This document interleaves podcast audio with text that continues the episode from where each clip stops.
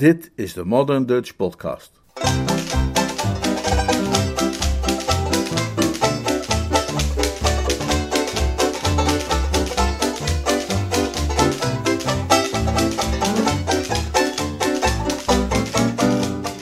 Vandaag het tweede en laatste deel van Tuppy's Beproving. Een verhaal van P.G. Woodhouse uit de bundel Uitstekend Jeeves, vertaald en voorgelezen door Leonard Beuger. Korte inhoud van het voorafgaande. Tegen kerstmis vertrekt Bertie met Jeeves naar Bleaching Court, het landhuis van een aangetrouwde oom. Een van de andere gasten daar is Tuppy Glossop, die ooit Bertie bij wijze van practical joke in het zwembad van de Drones Club heeft doen vallen, waarvoor Bertie nog altijd wraak op hem wil nemen. Bertie krijgt een raadselachtig telegram van Tuppy met de vraag of hij diens rugbyschoenen voor hem mee wil brengen naar Bleaching Court, alsmede een Ierse waterspaniel. Hij wordt vervolgens bezocht door zijn tante Dalia, die heeft gehoord dat Tuppy, die zo goed als verloofd is met haar dochter Angela, ijverig aan het flirten is met een sportief buitenmeisje, ene Miss Dalgleish, die in de buurt van Bleaching woont. Dat meisje is dol op honden. Bertie vermoedt dat Tuppy haar die Ierse waterspaniel cadeau wil doen. Tante Dalia wil dat Tuppy teruggaat naar Angela. Jeeves zegt dat hij de zaak zal behandelen. Aangekomen op Bleaching Court geeft Bertie Tuppy zijn rugbyschoenen, maar geen Ierse waterspaniel, wat Tuppy nogal teleurstelt.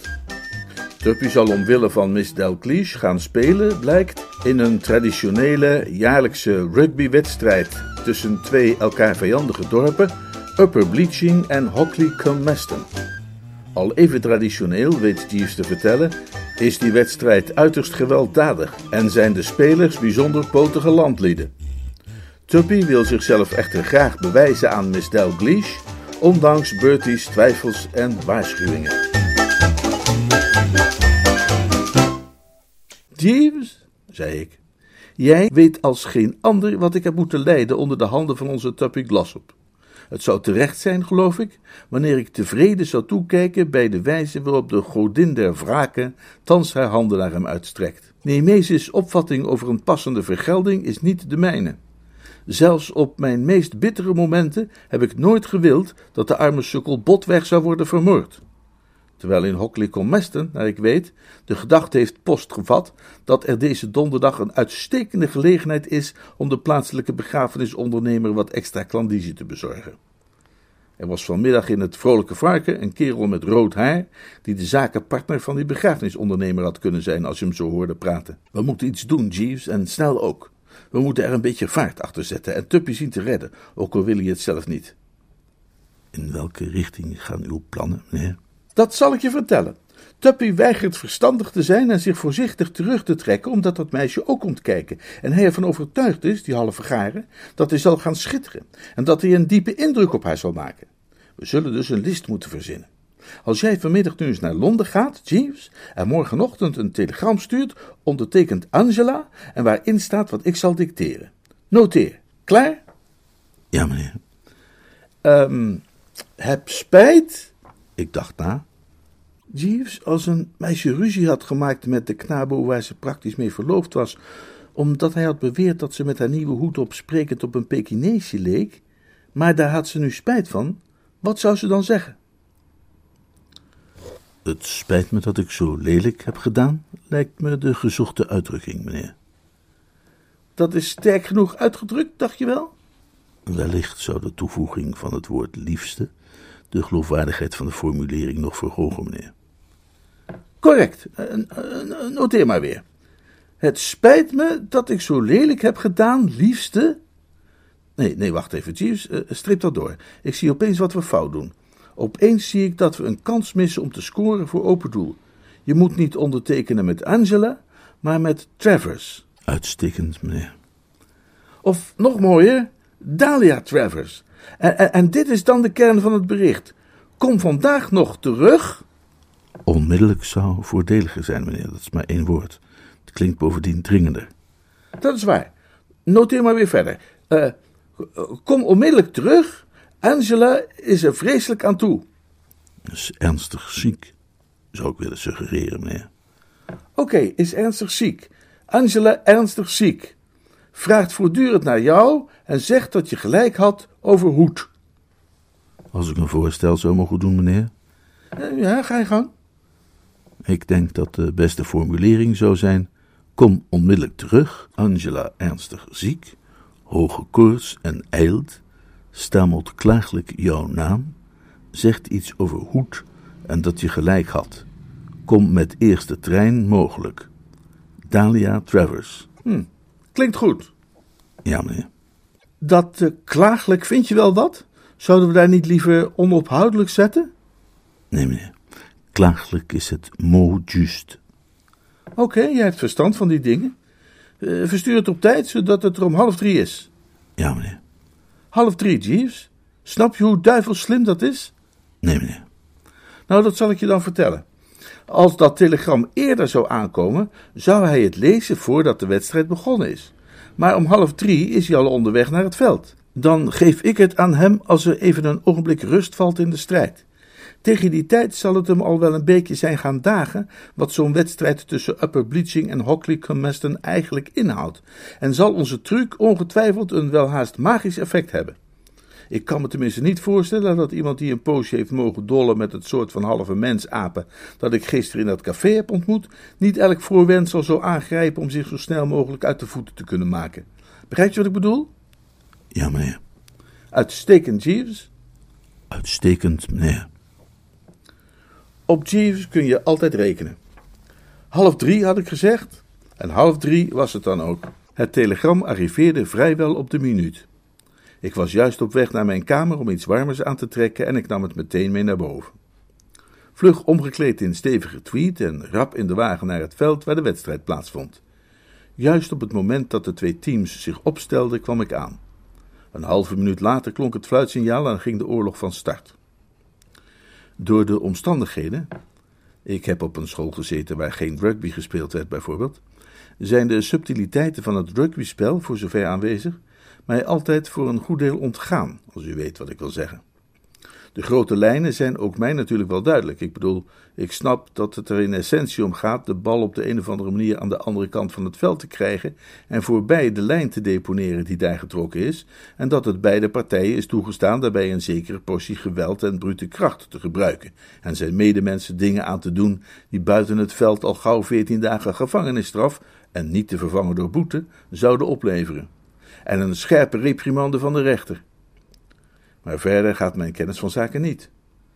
Wat je de hogere kwaliteiten van het spel zou kunnen noemen, die zijn voor Bertram altijd een gesloten boek gebleven. Overigens hebben kennis mij verzekerd dat er bij deze specifieke gelegenheid ook helemaal geen hogere kwaliteiten in het spel te vinden waren. Het had de laatste paar dagen stevig geregend, waardoor het gaan nogal behoorlijk werd bemoeilijkt. Sterker nog, ik heb wel eens moerassen gezien die er een stuk droger bij lagen dan dit rugbyveld. De roodharige kerel die ik in het café had ontmoet kwam aanwaden en trapte af onder luide toejuichingen van het publiek. De bal vloog regelrecht in de richting van Tuppy, die een levendig kleureffect in blauw en oranje opleverde.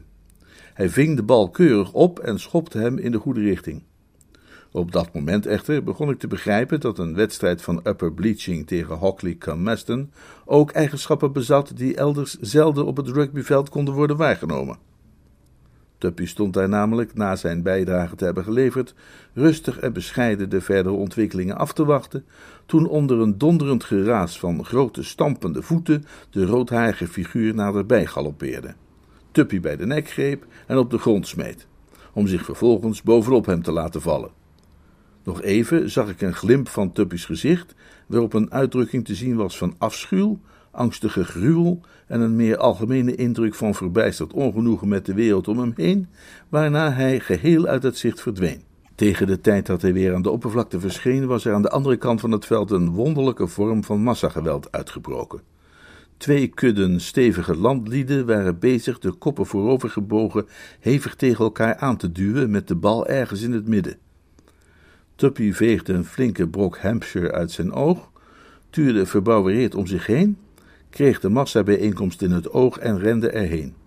Een tweetal zwaargewichten kwam juist overeind, greep hem beet en herhaalde de modderbehandeling. Daarbij kwam hij ook nog zo terecht dat een passerende derde zwaargewicht met voeten als vioolkoffers en precies een goede schop kon verkopen. Vervolgens kwam de roodharige kerel bovenop hem terecht. Kortom, een stevig en sportief potje rugby dat er vanaf mijn plek aan de kant bijzonder onderhoudend uitzag.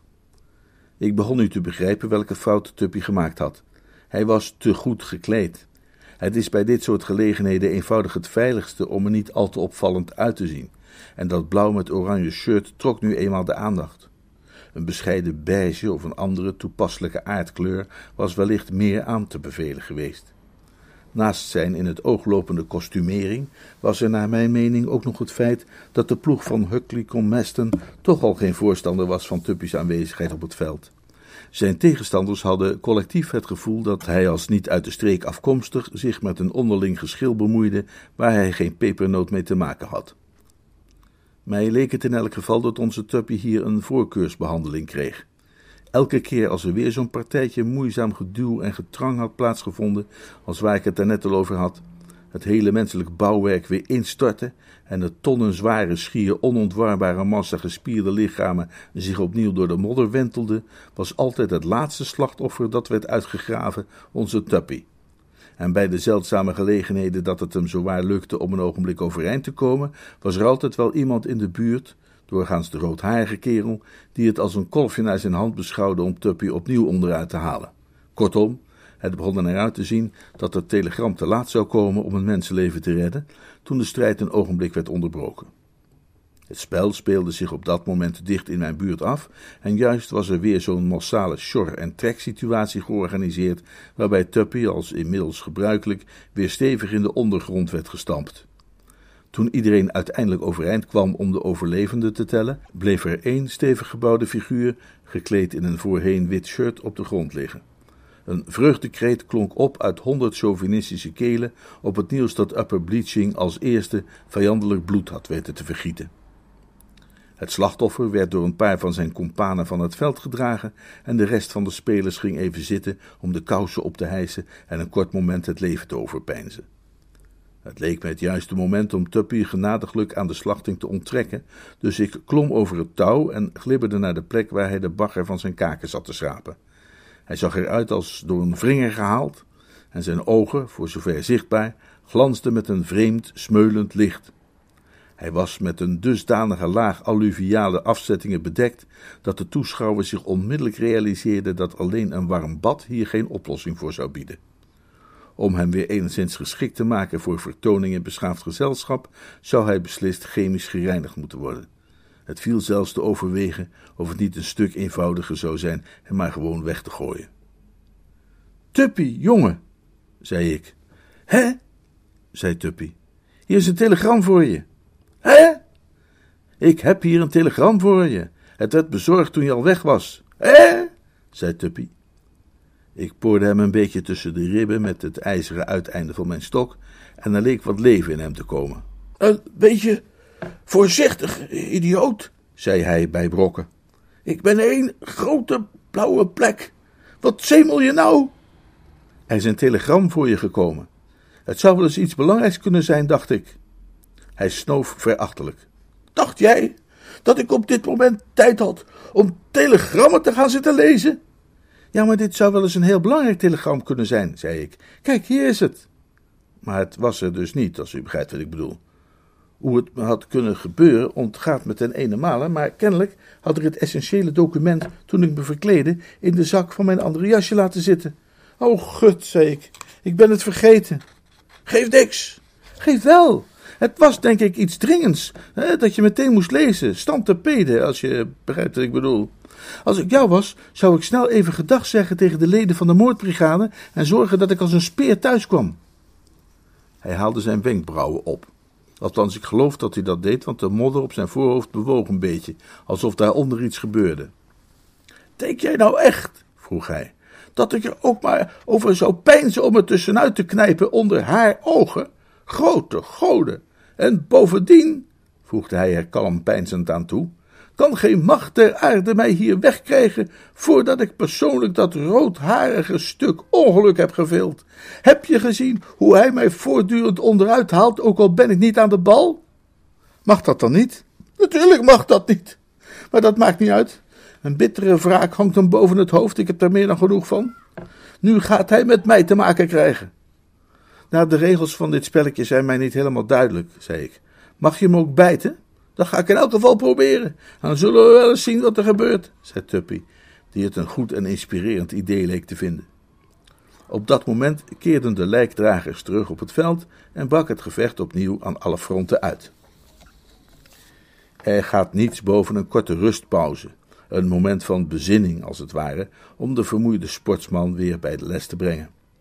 Na de korte onderbreking die we achter de rug hadden in elk geval, werd het vuile werk hervat met een hartverwarmend animo. En onze Tuppy vormde werkelijk hart en ziel van het feest. Weet u, wanneer je iemand eigenlijk alleen maar ontmoet hebt tijdens lunches of op de tribune bij de paardenrennen, of tijdens gezellige weekends op een of ander buitenhuis, dan dring je eigenlijk nooit zo door tot zijn verborgen diepten, als u begrijpt wat ik bedoel. Tot op dat moment zou ik, als u het mij gevraagd had, gezegd hebben dat Tuppy Glossop in wezen een uiterst vredelievend type was, waarin niets van de wilde tijger viel te bespeuren. Maar toch kon men hem hier nu briesend heen en weer zien draven, terwijl de vlammen hem uit neus en oren sloegen. Een reële bedreiging voor iedere verkeersdeelnemer. Ja, werkelijk. Aangemoedigd door het feit dat de scheidsrechter ofwel het motto leven en laten leven hoog in het vaandel had staan, ofwel zijn fluitje vol modder had zien raken, waardoor een alert ingrijpen sterk bemoeilijkt werd, vertoonde Tuppy een aantal indrukwekkende prestaties. Zelfs ik, die de fijne kneepjes van het spel niet ken, zag duidelijk in dat als Huckley Colmaston de wedstrijd een beetje positief wilde afsluiten, het zaak was om op zo kort mogelijke termijn onze Tuppy buiten gevecht te stellen. En ik moet toegeven dat ze daar hun uiterste best voor deden, met het roodharige boefte voorop. Maar Tuppy bleek van duurzaam materiaal te zijn vervaardigd. Elke keer dat de bloem der tegenstanders hem met zijn gezicht in de modder wreef en op zijn hoofd ging zitten, kwam Tuppy daarna overeind als een feniks uit het vuur om des te hoger op te wieken, als u mij volgen kunt. En uiteindelijk was het de roodharige lomperik zelf die in het stof moest bijten.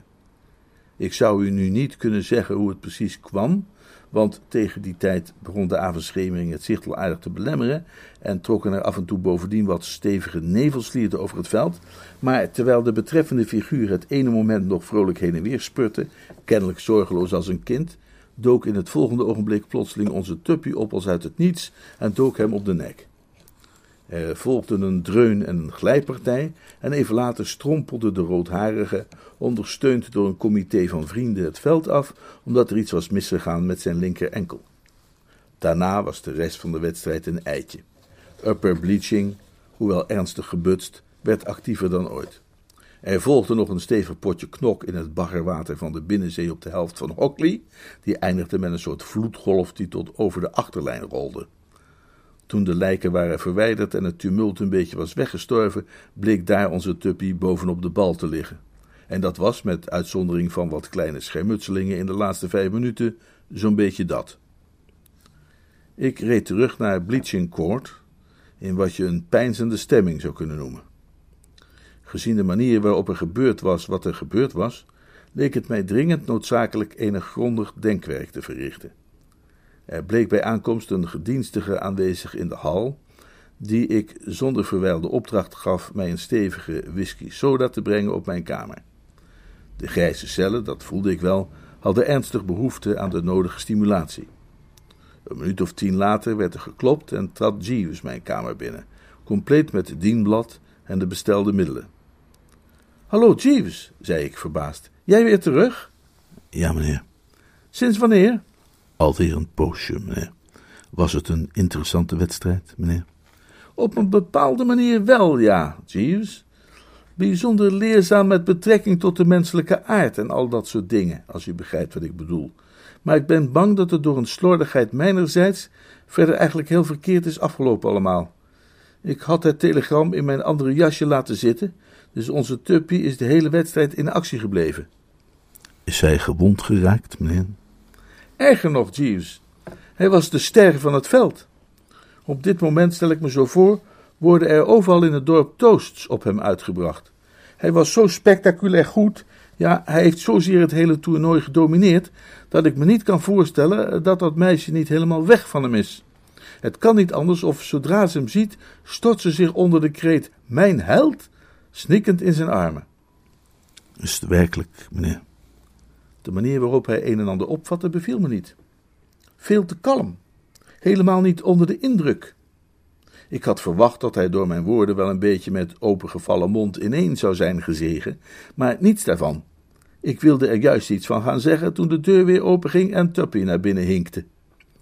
Hij droeg een lange jas over zijn rugbykleren en ik vroeg me af waarom hij bij mij op visite kwam in plaats van rechtstreeks onder de douche te gaan. Hij wierp een soort snakkende blik op mijn glas. Whisky? vroeg hij met fluisterende stem. En soda. Breng er mij ook zo een, Jeeves, zei onze Tuppy. Een grote. Uitstekend, meneer. Tuppy ging bij het raam staan en staarde naar buiten in de vallende duisternis. En voor de eerste keer constateerde ik bij hem dat hij werkelijk door een of andere zorg of narigheid werd neergedrukt. Dat valt gewoonlijk goed te zien aan iemands rug, krom, gebogen, als bezwaard door een droeve last, als u mij vatten wilt. Wat is er? vroeg ik. Tuppy lachte een vreugdeloze. Oh, niks bijzonders, zei hij. Ik heb alleen maar ieder vertrouwen dat ik had in vrouwen volledig verloren. Dat is alles. Oh ja? Jazeker, helemaal. Vrouwen hoeven voor mij niet meer. Een geslacht zonder enige toekomst. Stukken ongeluk zijn het. Allemaal. En zelfs dat hondenmeisje, hoe heet ze? Dogsbody? Ze heet Dalglish, zei Tuppy een beetje stijfjes. Nou, als je het weten wilt, zij is de ergste van haar soort. Maar joh! Tuppy keerde zich naar mij om. Ik kon zien hoe zijn gezicht onder de modderlaag verwrongen was en kort samengevat bleek. Weet je wat er gebeurd is, Bertie? Nee, wat? Ze is niet eens komen opdagen. Ze was er niet.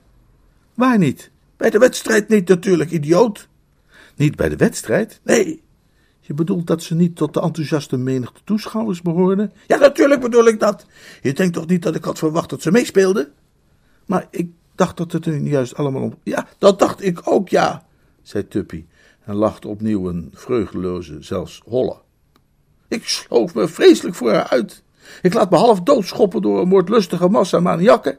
Ik laat ze naar hartelust op mijn kop stampen. Ik doorsta regelrechte moordaanslagen, zo gezegd, en dat allemaal voor haar. En als dan puntje bij paaltje komt, blijkt dat ze niet eens naar de wedstrijd is komen kijken. Ze werd opgebeld door iemand in Londen die beweerde dat hij een Ierse Water Spaniel had weten te lokaliseren en is meteen in haar wagen gesprongen. Mij liet ze maar doodleuk ploeteren. Ik zag haar net hier voor de deur en toen vertelde ze me dat. En het enige waar ze zich over opvond was dat ze voor Jan met de korte achternaam naar Londen was gereden. Het was kennelijk helemaal geen Ierse Water Spaniel. Het was een gewone Engelse Water Spaniel. En dan te bedenken dat ik van zo'n vrouw gehouden heb. Een mooie levenspartner zou dat zijn geweest. Waar werd oprechter trouw dan tussen man en vrouw ter wereld ooit gevonden? Nou, mooi niet dus. Als iemand een meisje als dat zou trouwen en hij werd toevallig getroffen door een dodelijke ziekte, denk je dan dat ze aan zijn zijde zou blijven om zijn kussen af en toe eens op te schudden? Of om een verfrissende slok water tussen de tanden te gieten? Kun je net denken. Dan was ze natuurlijk al lang weer vandoor gegaan om ergens een Siberische palinghond te scoren. Voor mij hoeft het echt niet meer, vrouwen. Ik begreep dat dit het juiste ogenblik was om een goed woordje te doen voor het hemd dat nader is dan de rok. Nou, mijn nichtje Angela bijvoorbeeld is nog zo'n beroerd type niet hoor, zei ik, op de ernstige en welwillende toon van een oudere broer. Echt helemaal niks mis mee hoor, die Angela, als je het goed bekijkt. Ik heb altijd eigenlijk een beetje gehoopt dat jij en zij, ja. En, en ik weet dat mijn tante Dalia er ook zo over denkt. Tuppy's bitter snierende lach deed barstjes verschijnen in de kleilaag. Angela, gromde hij, geen woord tegen mij over Angela. En als je het weten wilt, die Angela is een monstrum. Een modder van gompen. Ze is de reinste pestilentie. Die Angela heeft mij de bons gegeven, echt waar. En weet je waarom? Enkel en alleen omdat ik de euvele moed heb gehad haar eerlijk te vertellen wat ik vond van een waanzinnig hoedje dat ze zo achtelijk was geweest om te kopen. Ze zag eruit als een Pekinees met dat ding op. En dat zei ik ook tegen haar. Je ziet eruit als een Pekinees met dat ding op. En in plaats dat ze mijn eerlijk oordeel op prijs stelde, dat ze blij was met mijn openheid, kon ik een schop onder mijn je weet wel krijgen. Tsch. Echt waar? vroeg ik. Echt waar, zei Tuppy. Vraag maar na. Het was op dinsdag de zevende, smiddags om zestien over vier. Oh, tussen haakjes, Tuppy, zei ik. Ik heb dat uh, telegram teruggevonden. Telegram? Wat voor telegram? Dat telegram waar ik het over had. Oh, dat telegram. Ja, dat uh, telegram. Nou, laat maar kijken dan. Ik stak het hem toe en lette zorgvuldig op zijn reactie. Terwijl hij het las, zag ik hem plotseling wankelen. Diep bewogen. Onmiskenbaar. Iets uh, belangrijks? vroeg ik. Bertie, antwoordde onze tuppy met een stem die trilde van emotie. Wat ik zojuist zei, met betrekking tot jouw nichtje Angela. Uh, schrap dat. Uh, beschouw die woorden als nooit gesproken, Bertie. Ik zeg je, die Angela deugt. Ze is een engel in menselijke gedaante. Dat is mijn ware overtuiging, Bertie. Ik, ik, ik moet nu onmiddellijk naar Londen. Ze is, ze is ziek. Ziek? Hoge koorts en eilen. Dit uh, telegram komt van je tante. Ze wil dat ik meteen naar Londen kom. Uh, kan ik jouw auto lenen? Natuurlijk. Dank, dank je wel, zei Tuppy en spurte er vandoor. Hij was nog maar een seconde de deur uit toen Jeeves binnenkwam met de versterkende middelen. Meneer Glossop is alweer vertrokken, Jeeves. Werkelijk, meneer? Naar Londen. Oh ja, meneer? In mijn wagen. Hij is naar zijn nichtje Angela. Het zonnetje lijkt weer te schijnen, Jeeves. Dat is bijzonder verheugend, meneer. Ik keek hem eens goed aan. Was jij dat, Jeeves, die dat meisje, kom hoe heet ze verdorie, hebt opgebeld over een water spaniel die zogenaamd ergens te vinden zou zijn? Ja, meneer. Uh, dat dacht ik al. Oh ja, meneer? Ja, Jeeves. Op het moment dat meneer Glossop tegen me zei dat er een geheimzinnige stem had opgebeld met een verhaal over Ierse water spaniels, dacht ik het al. Ik herkende je stijl. Ik doorzag je bedoeling meteen. Jij wist dat ze er meteen zou komen aangescheurd. Ja, meneer. En jij wist ook hoe Tuppy zou reageren. Als er één ding is waar een ridder bij een belangrijk toernooi een broertje aan dood heeft, dan is het dat zijn publiek hem in de steek laat. Ja, meneer. Maar, Jeeves. Meneer. Eén ding. Wat gaat meneer Glossop zeggen als hij ontdekt dat mijn nichtje Angela zo gezond is als een vis en allerminst ligt te eilen? Dat punt is geen sinds aan mijn aandacht ontsnapt, meneer. Ik ben zo vrij geweest mevrouw Travers telefonisch te benaderen en haar de situatie uit te leggen. Alles zal voor meneer Glossops aanwezigheid in gereedheid worden gebracht. Jeeves, zei ik, jij denkt ook overal aan. Dank u, meneer. Heeft u, nu meneer Glossop vertrokken is, uh, wellicht behoefte deze whisky soda te nuttigen, meneer? Ik schudde mijn hoofd. Nee, Jeeves. Er is maar één man aan wie dat glas toekomt en dat ben jij. Ik geloof niet dat er ooit iemand zijn opkikkertje meer verdiend heeft. Neem dat glas whisky, Jeeves, en sla het achterover. Dank u zeer, meneer. Cheerio, Jeeves. Cheerio, meneer. Als ik zo vrij mag zijn die uitdrukking te gebruiken.